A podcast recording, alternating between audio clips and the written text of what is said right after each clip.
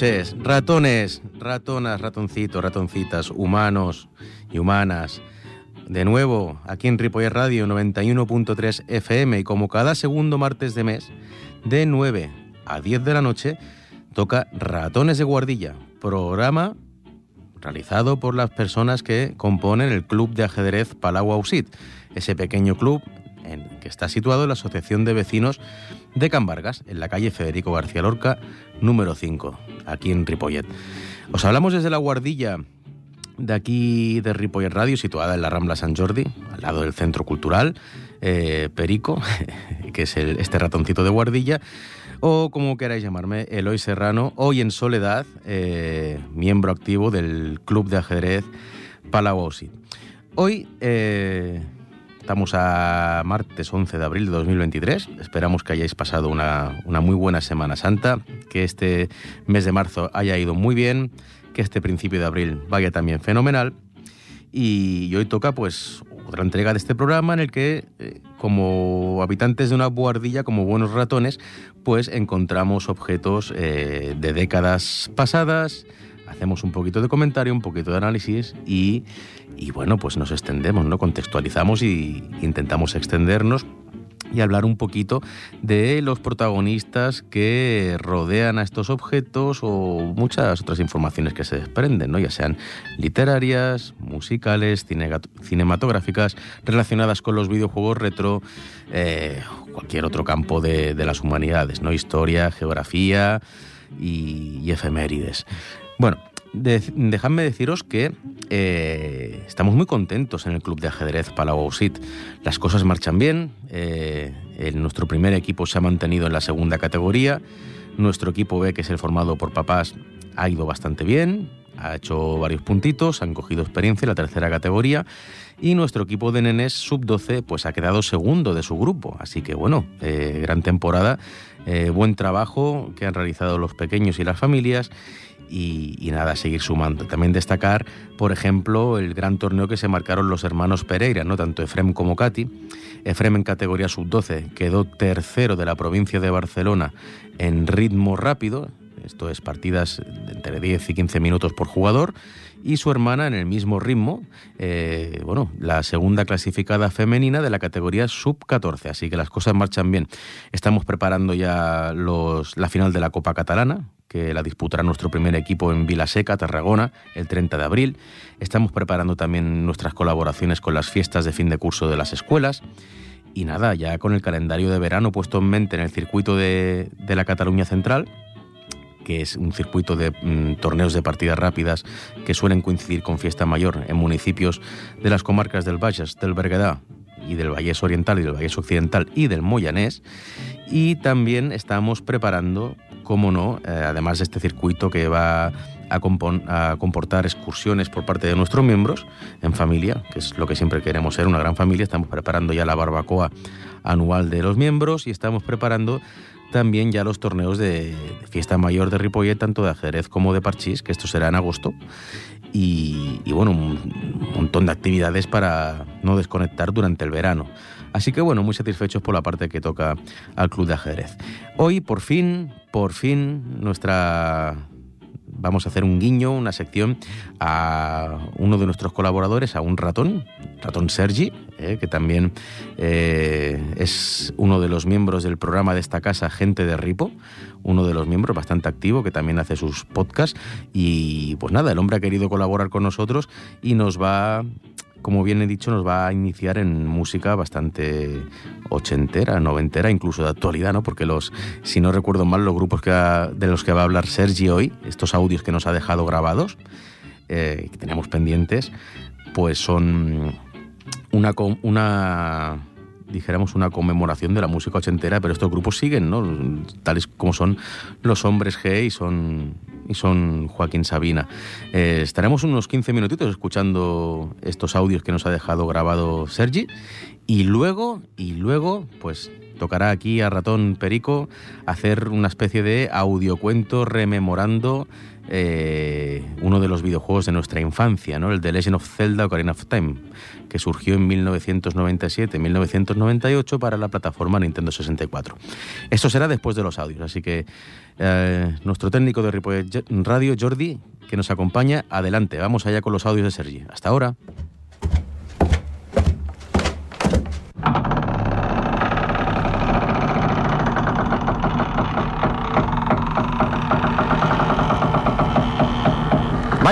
Esto parece un radiocassette bastante antiguo. Hay cintas. Vamos a ver qué hay en ellas.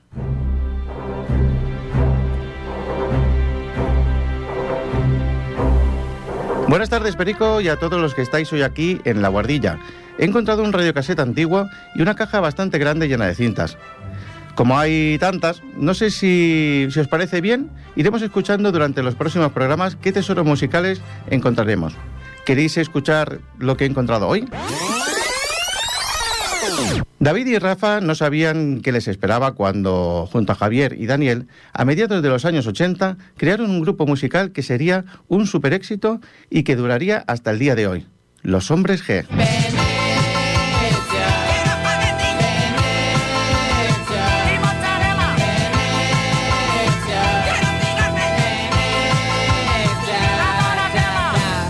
Esta mítica banda se creó cuando por casualidad coincidieron un día Bruninger, Javier Molina y David Schumer en los pasillos de televisión española, donde tenían que hacer un trabajo de figuración en el especial infantil navideño del programa musical 300 millones, emitido el 7 de diciembre en 1982. Son hijos de dos amigos míos y cantan muy bien, Antonio y Carmen.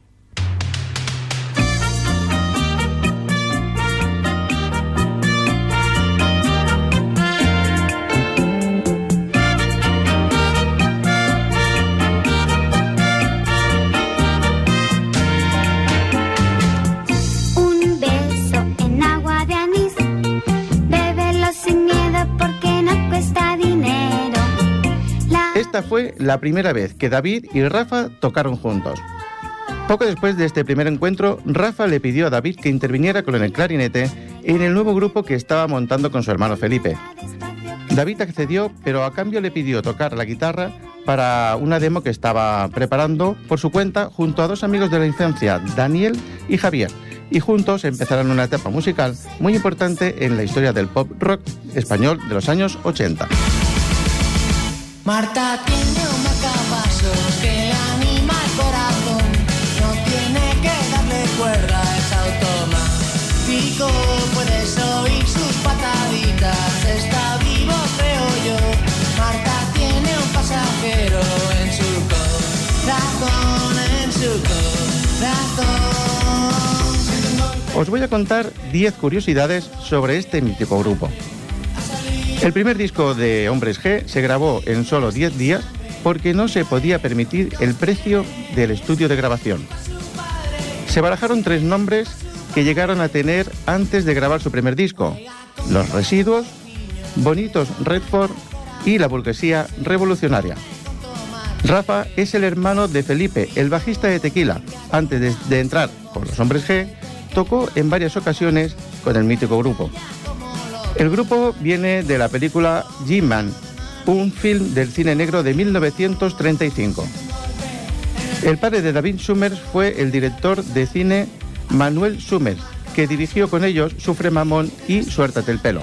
Pero no solo aparecieron en estas dos películas, ya que un año antes de debutar con Sufre Mamón, aparecen ensayando en otra película de Summers titulada Me hace falta un bigote.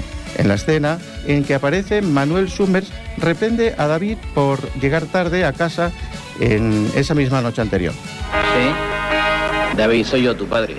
¿Qué? Ayer le cogí su pedito, ¿no? No, ¿qué va?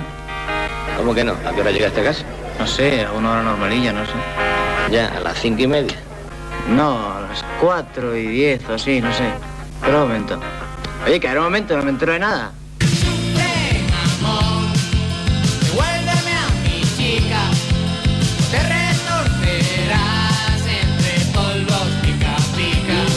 Al poco de salir su primer disco se convirtió en disco de oro vendiendo más de 50.000 copias. Cuando estaban empezando, RCA y CBS les rechazó porque decían que no eran un grupo comercial. Rafa y David se conocieron en televisión española ya que ambos acudieron como músicos figurantes en la actuación de Antonio y Carmen, hijos de Rocío Ducan, en la canción Sopa de Amor. La canción titulada La cagaste Burlancaster no fue finalmente incluida en el disco del mismo nombre porque consideraban que no sonaba bien. Se puede escuchar en la película Sufre Mamón. Su segunda película, Suéltate el pelo, se iba a llamar La cagaste Burlancaster, pero tuvieron que cambiarlo ante las amenazas legales del famoso actor.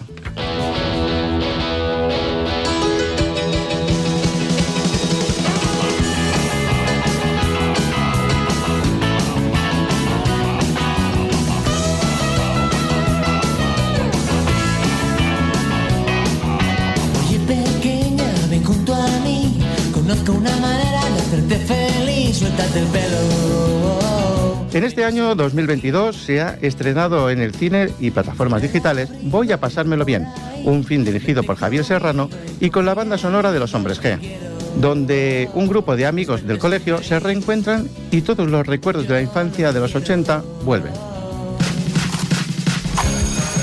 Empieza el curso, Pitu. Si no podemos ser más unos pringados. Ya el fandango. Adivina quién se ha puesto en contacto conmigo porque quiere verme. ¿Quién? Laila. ¿Me está mirando los dientes? No. Me llamo Laila. ¿Qué Laila? Laila, Laila. Que viene el día 5 y por lo visto está mirando los dientes. Que no. ¿Te gustan los hombres G? Me flipan. A mí también. ¿Quiere pasar la noche conmigo? ¿Tú has visto los dientes que traes? Tres años llevas sin venir. Y a ti te gusta la chica nueva, ¿no? No. Sí le gusta, sí. Pues te voy a ayudar a conquistarla. Porque los amigos se ayudan, Daniel. David. Eso.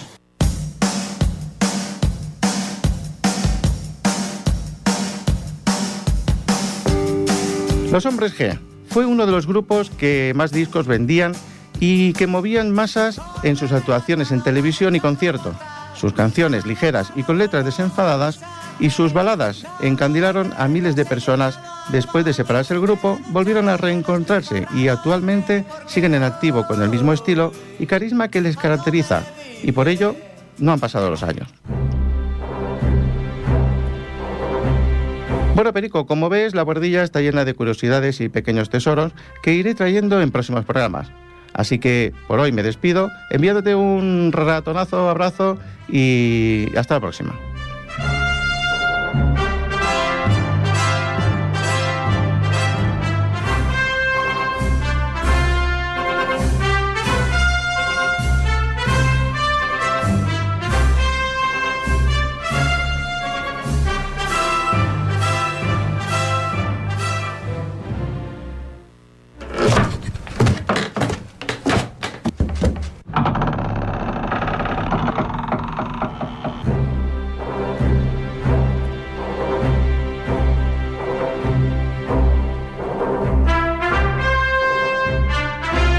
Muy buenas tardes, Perico, ratoncillos, ratoncillas, humanos y humanas que estáis aquí hoy en esta maravillosa guardilla. ¿Qué os parece si os ponemos una cinta de cassette de estas que he encontrado por aquí en una caja que estaba escondida entre todos los cachivaches de la guardilla? Vamos allá.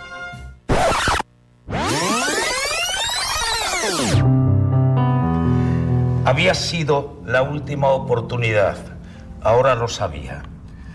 De todos modos pensó, hubiera podido ahorrarme la humillación de la llamada y el último diálogo, diálogo de mudos en la mesa del café.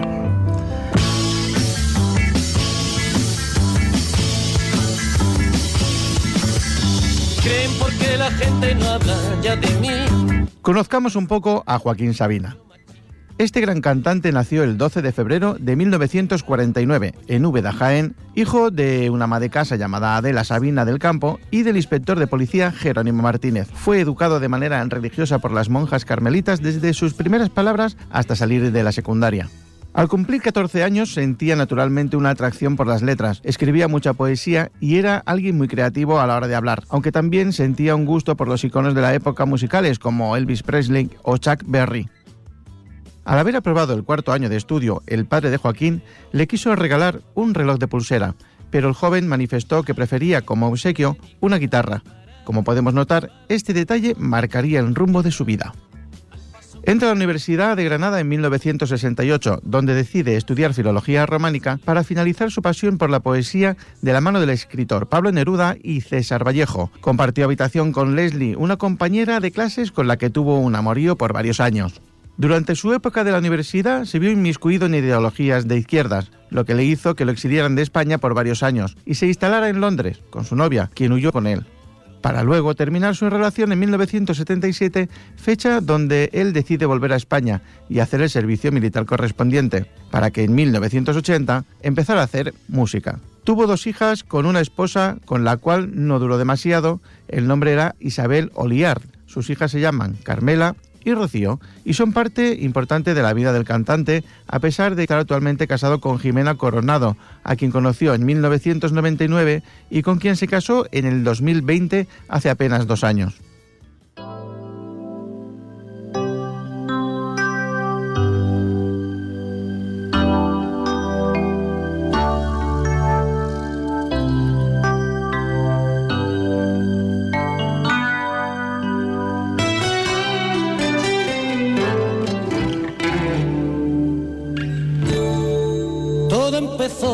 Aquella serpiente me trajo una manzana y dijo prueba. Yo me llamaba Adán, seguramente tú te llamabas Eva. Anécdotas y curiosidades sobre Joaquín Sabina. Infarto cerebral. En el 2001, Joaquín sufrió un infarto cerebral muy preocupante que estuvo a segundos de quitarle la vida si no lo atendían rápidamente gracias a la mano de los que le intervinieron, pudo recuperarse en pocas semanas sin tener ningún tipo de repercusión física más que el susto de poder morir o perder la capacidad que hace tener sus actividades cotidianas. Se relacionó con movimientos contrarios al régimen franquista e incluso se vio obligado a exiliarse tras una protesta por el proceso de Burgos, después de lanzar un cóctel Molotov contra la sucursal del Banco Bilbao en Granada. También durante su estancia en Londres escribe sus primeras canciones y organiza un cineclub donde exhibe películas de Luis Buñuel. En aquel entonces estaba prohibido en la España franquista. En 1974, Joaquín Sabina se gana la vida cantando en el metro, restaurantes, cafés y durante una de esas participaciones en un bar actuó frente a George Harrison, el Beatle que le dio una propina de 5 libras. Su disco 19 días y 500 noches logró vender más de 500.000 copias y le hizo ganar cuatro de los premios de la música de la Sociedad General de Autores en España del año 2000. Su padre, comisario de policía, lo detuvo a los 19 años. El director de la discografía CBS le ofreció su primer contrato con la referencia de una canción suya que sonaba entonces por televisión española, Que demasiado. La cantaba Pulgarcito en el programa de Carlos Tena. La canción Pongamos que hablo de Madrid fue grabada por Antonio Flores antes que por Sabina y alcanzó el número uno en los 40 principales. Joaquín Sabina, músico, escritor, poeta, pintor y un artista peculiar. Algunos dicen que raro, y aún así una persona increíble que siempre estará con nosotros seguramente más que unos 19 días y unas 500 noches.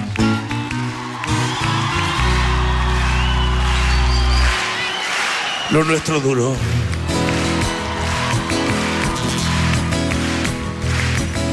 Lo que duran dos peces de hielo en un whisky on the. En vez de fingir o estrellarme una copa de celos, le dio por reír. De pronto me vi como un perro de nadie ladrar a las puertas del cielo me dejó un neceser con agravio, la miel en los labios y escarcha en el pelo.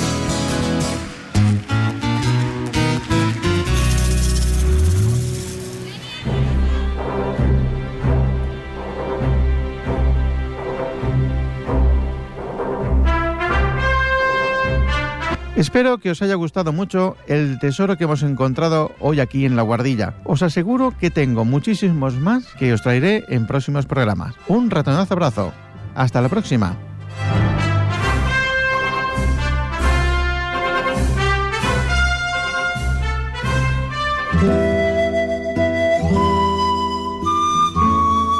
Grande Sergi, grande nuestro colaborador, nuestro ratón, transversalmente con el programa también Gente de Ripo y su podcast Maneras de Vivir.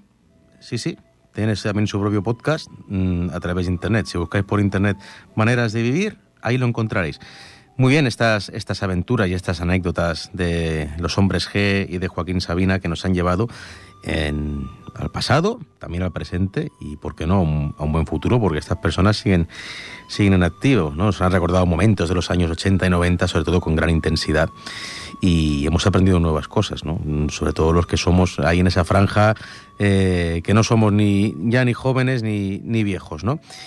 Bueno, pues muchas gracias Sergi y, y seguimos aquí en Ratones de Guardilla, como cada martes de 9 a 10, del, como cada segundo martes de mes, de 9 a 10 de, de la noche en el 91.3, en directo o en ripoerradio.cat, tanto en directo como a través de la descarga, a través del podcast. Muy bien, pues ahora me toca a mí, toca a Perico y nada. Ahora, eh, lo prometido es deuda, también teníamos pendiente una especie de adaptación a, dijéramos, a un audiocuento del The Legend of Zelda, Ocarina of Time, con parte de sus, de sus bandas sonoras y, narrando un poquito así, a modo resumen, eh, pues las aventuras de, de Link en, en, Hyrule, ¿no? Ese mundo imaginario en, en, el que se desarrolla este videojuego de, que salió en el año 97-98 para Nintendo 64. Que me perdonen los que sean muy fans de, de Zelda, muy fans de Ocarina of Time si cometo alguna imprecisión, pero claro, ya la, la, memoria no es la misma. Voy a intentar hacerlo de memoria, de cuando yo jugaba a la Nintendo 64 allá por 1998-1999. Así que si cometo alguna imprecisión o no soy del todo canónico, por favor, sí, canónico, como, las, como, la, como la hortaliza. Si no soy del todo riguroso, por favor, eh, perdonad mis faltas, voy a intentar hacerlo lo, me, lo mejor que pueda. Así que vamos allá. Vamos a la primera fase del juego, las aventuras de Link en Kokiri.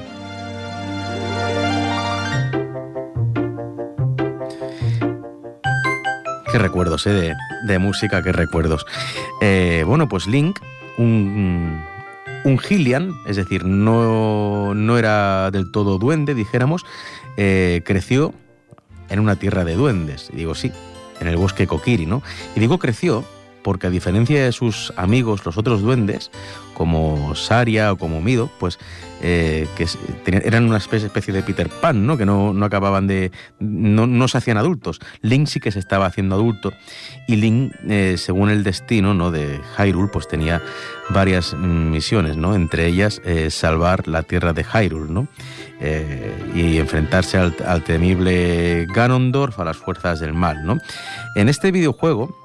Link atravesará diferentes mmm, universos, diferentes mazmorras que se llaman, ¿no? diferentes zonas de juego en las que se enfrentará a diferentes enemigos y a, un jefe de enemigo por mazmorra y viajará a través de esta tierra tanto de niño como de adulto, ¿no? porque llegará un momento de la aventura en que niño, en, en que Link se, se, hará mayor rápidamente gracias a una especie de magia ancestral, desclavando una espada, y convirtiéndose en mayor para enfrentar a retos mayores, valga la redundancia. ¿no?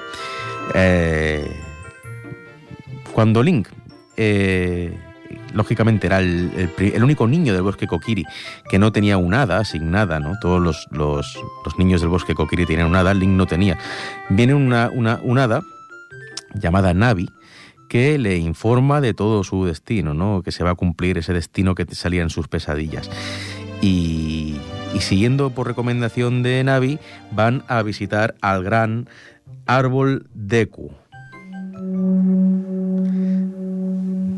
Eso es. Esta es la música que suena cuando Link va se mete dentro de este árbol milenario, de este árbol milenario, que por cierto habla y le cuenta un poquito a Link un poquito más de su cometido. El árbol Deku, situado en una esplanada, en un prado cercano al bosque Kokiri.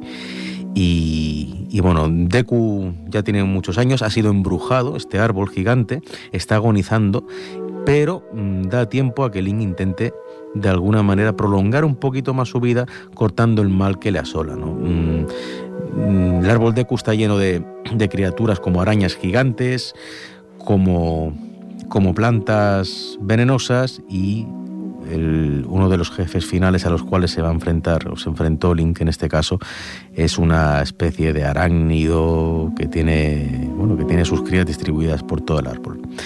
Así que Link entró, derrotó a todos los enemigos y derrotó a la reina Goma, ¿no? que era el, el parásito que estaba acelerando el- la agonía de, del, del árbol del árbol Deku.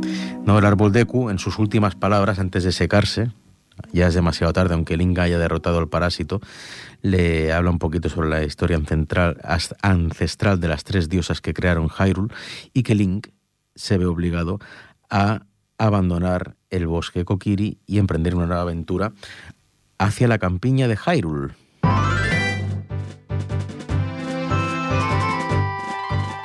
Una vez abandona el bosque, tras despedirse sobre todo de su mejor amiga, duende, Saria, eh, Link, con la piedra espiritual del bosque en su poder, recordemos que tiene que reunir tres piedras, se va en dirección a la campiña Hyrule, donde es, dijéramos, el territorio central, el gran, el gran núcleo ancho que comunica los diferentes territorios que componen el universo Hyrule. ¿no?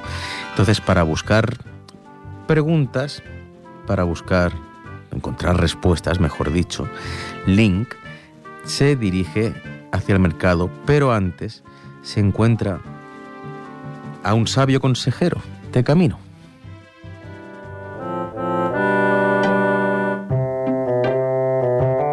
Así es, Caepora Gaebora, un búho gigante, un búho que habla y que en ocasiones dará muchos consejos a Link en su aventura. Revelará informaciones, descubrirá caminos, atajos, incluso dice Link que puede confiar en él para tele- teletransportarse, no, para, eh, volar de ciudad en ciudad para ir antes, o de ciudad en ciudad territorio en territorio. Es decir, nos ofrece sus alas para transportarnos este centenario y sabio búho llamado Caepora Gabora. Caepora Gabora dice que las primeras respuestas las encontrará Link en la ciudad, en la ciudad en la que está el mercado y el castillo. Así que sin más preámbulo, Link viaja hacia el castillo, hacia el mercado. Bonita música, bonita música. Hay que tener en cuenta que eh, para la época, bueno, mm, para el año 98 no está mal el sonido que emula, eh, dijéramos, una música típica de trovadores o juglares, ¿no? Que nos recuerda a la época medieval. Bueno, más o menos salvando la distancia, es una buena, una buena banda sonora.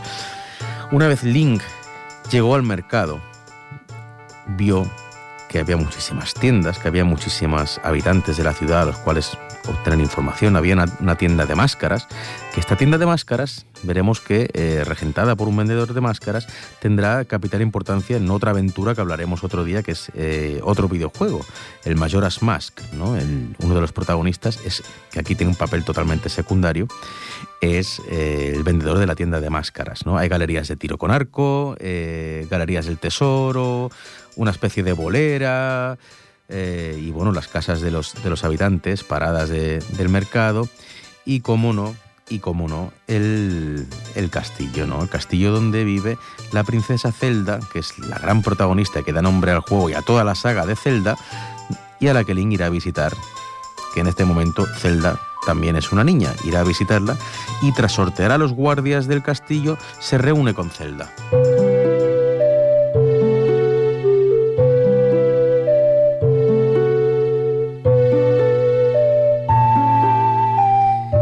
Efectivamente, Zelda, que también comparte los mismos, las mismas pesadillas de Link, esas premoniciones sobre el futuro negro que asola a Hyrule, le habla de la existencia de un varón que nace cada 100 años o cada X tiempo en, un- en una sociedad dijéramos matriarcal, una sociedad que solo está compuesta por mujeres, que es de, de las personas que viven en el desierto Gerudo, en el valle Gerudo, y que nace un varón cada cada muchísimos años, ¿no? Y este es Ganondorf y que es un, aparte de un ladrón como muchas de la naturaleza de las habitantes de Gerudo, es un, pues es, dijéramos, una persona o un, un, un enemigo que usa los, mm, todos los poderes de la maldad para hacerse su, para hacerse con su objetivo, ¿no?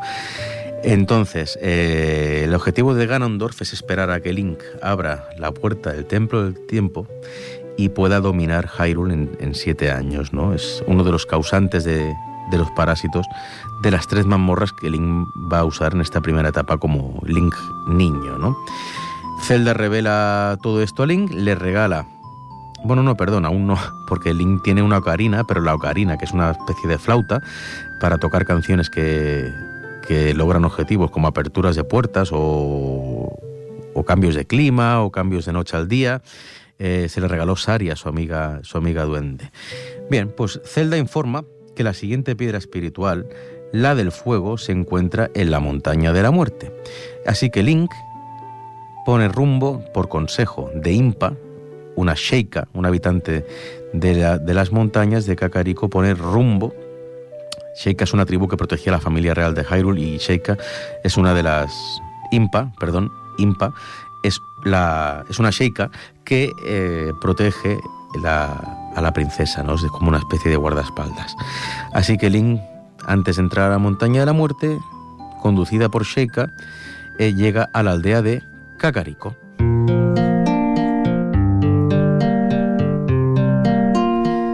Así es.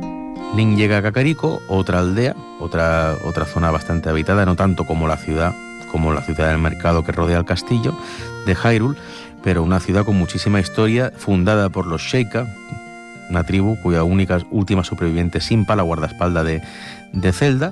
Y bueno, eh, Kakariko tiene pues sus casas, la casa de las arañas, por ejemplo, de una familia que ha sido hechizada y Link tendrá que cazar 20 esculturas doradas, que son unas recompensas, unos medallones dorados que te dan cuando que dan a Link cuando derrota a las a las arañas para deshacer este hechizo y a cambio de ello los miembros de la familia de las arañas hechizadas, que son personas, pues irán recompensando a Link, ¿no? Kakariko eh, tiene su, su corral con, gallinas, tiene sus grutas secretas, tiene su propio cementerio donde están donde, donde descansan los restos de, de los Sheikah y de la familia real y tiene también eh, un pozo y un molino, ¿no? un pozo que comunica con un molino y un pozo que va por todo el subsuelo de Cacarico, que ya hablaremos de él, ya hablaremos de él de aquí unos, unos minutos. ¿no?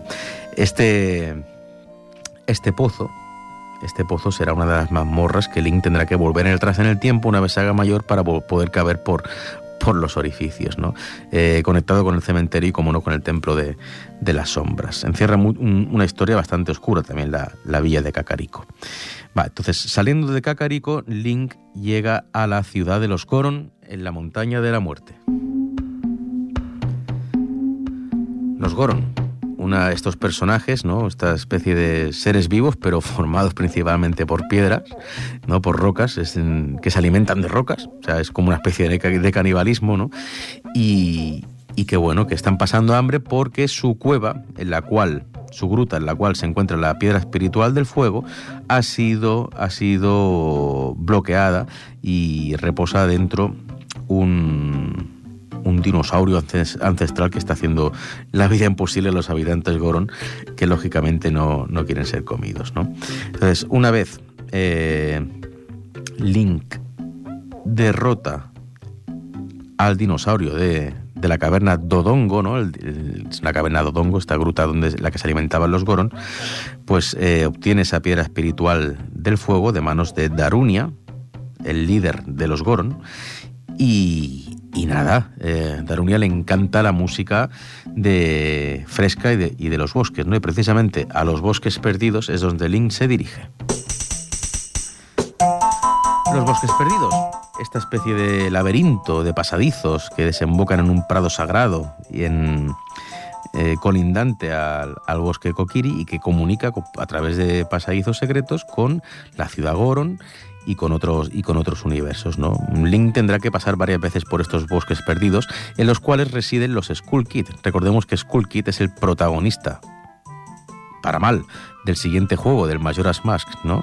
Y que son niños que se han ave- aventurado al bosque y se han convertido pues en, en Skull Kids, ¿no? Una especie, una especie de, de espectros, ¿no? Que, que igualmente se hacen amigos de los de los de los de los duendes del, del bosque Kokiri.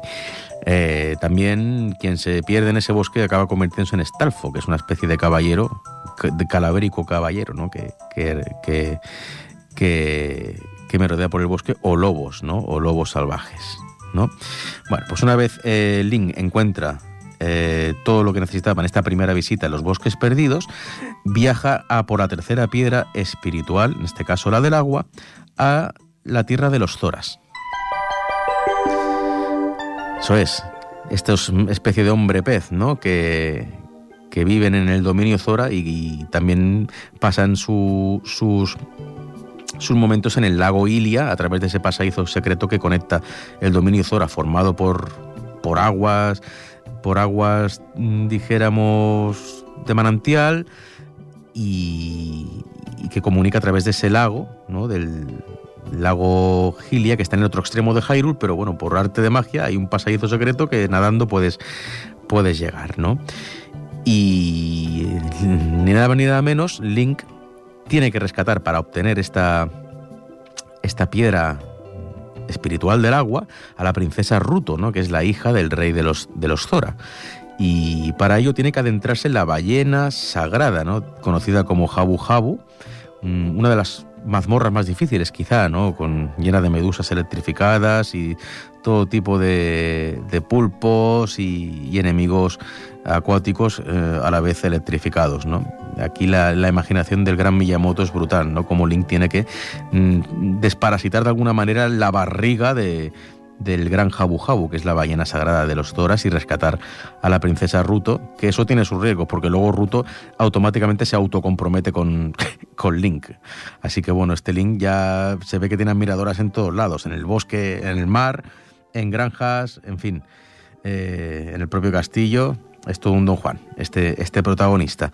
Entonces, una vez Link derrota al, a los enemigos de- del interior de, Jabu Jabu y eh, consigue mm, de la tercera piedra espiritual, lógicamente se dirige al, al templo del tiempo.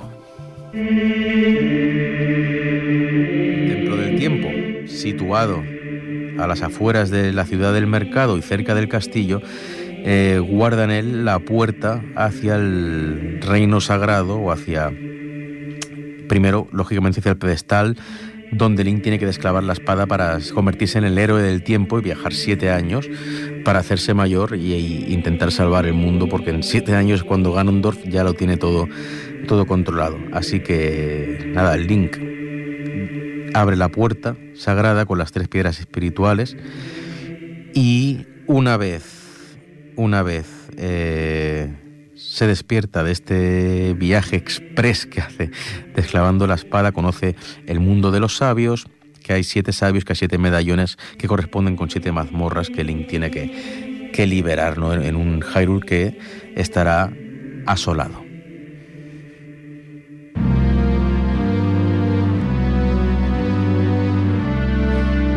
Desde luego, antes de salir de. antes de entrar en el, en el templo del tiempo, ve cómo Ganondorf ha traicionado a la familia real y la princesa Zelda, huyendo a lomos de un caballo con su compañera Impa, le tira lo que le dará lo que es la ocarina del tiempo, una ocarina mucho más potente que pertenece a la familia real, una ocarina sagrada que sustituye a la ocarina a la ocarina Kokiri que le dio que le dio Saria a Link. Una vez Link eh, entra en el tiempo, se ha hecho mayor, pues se encuentra que el mundo está devastado y que Ganondorf pues se ha hecho con todos los templos sagrados de cada uno de los pueblos de, de, de Hyrule. Entonces, Link tiene que ir a un rancho hacerse con su corcel su yegua inseparable que será Hipona, donde conoce a Malon, a Talon y a Ingo, que son los habitantes del rancho, que por cierto ahora pertenece a Ganondorf, como todo en este mundo. Y, bueno, se encuentra un mundo devastado, se encuentra zombies en la ciudad del, del, del castillo, un cacarico destruido también y una campiña de Hyrule llena de, de Pous, que son fantasmas. Entonces, el primer templo que Link tiene que visitar para conocer al primer sabio es el templo del bosque.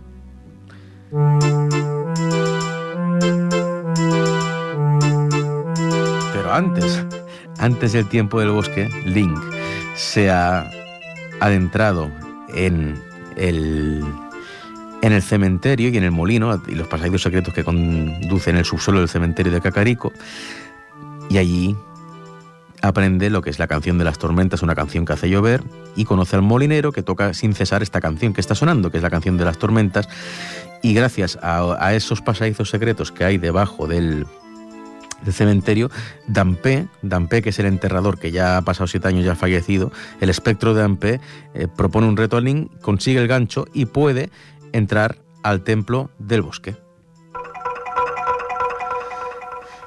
Templo del bosque, misterioso, controlado por fantasmas, ¿no? Link tiene que derrotar a las cuatro brujas fantasmas y a Ganondorf, no, al fantasma de Ganondorf. Y bueno, ahí conoce el. obtiene el medallón del bosque y resulta que la, la primera sabia es Saria, su amiga. Su amiga que en siete años lógicamente no ha crecido porque es una duende. Y le comunica que el segundo medallón está en la montaña de la muerte, en el cráter. Esta vez no está en la caverna de Odongo, sino en el cráter. Eh, los Goron han sido. han sido metidos en, en celdas en el, en el templo del fuego. Allí en el templo del fuego Link tiene que rescatar a los habitantes Goron y tiene que apagar los desbocados fuegos sagrados y vencer a un dragón. El dragón, que si no recuerdo mal, se llamaba Volvagia. Volvagia, sí, sí, un dragón sagrado que tiene que ser derrotado porque está causando estragos en toda la montaña de la muerte, la ciudad Goron, incluso en Cacarico. ¿no? Eh, se revela, después de vencer al dragón, se revela con el martillo sagrado, que lo obtiene ahí, se revela como segundo sabio el gran, el gran Daruni, el jefe de los, de los Goron. Y rápidamente dice que tiene que ir Link hacia una caverna de hielo a conseguir unas flechas de hielo. Y allí, en esas flechas de hielo, tendrá una herramienta buena para poder cruzar la poca agua que queda en el lago Gilia que ha sido secado y embrujado por los secuaces de Ganondorf, ¿no?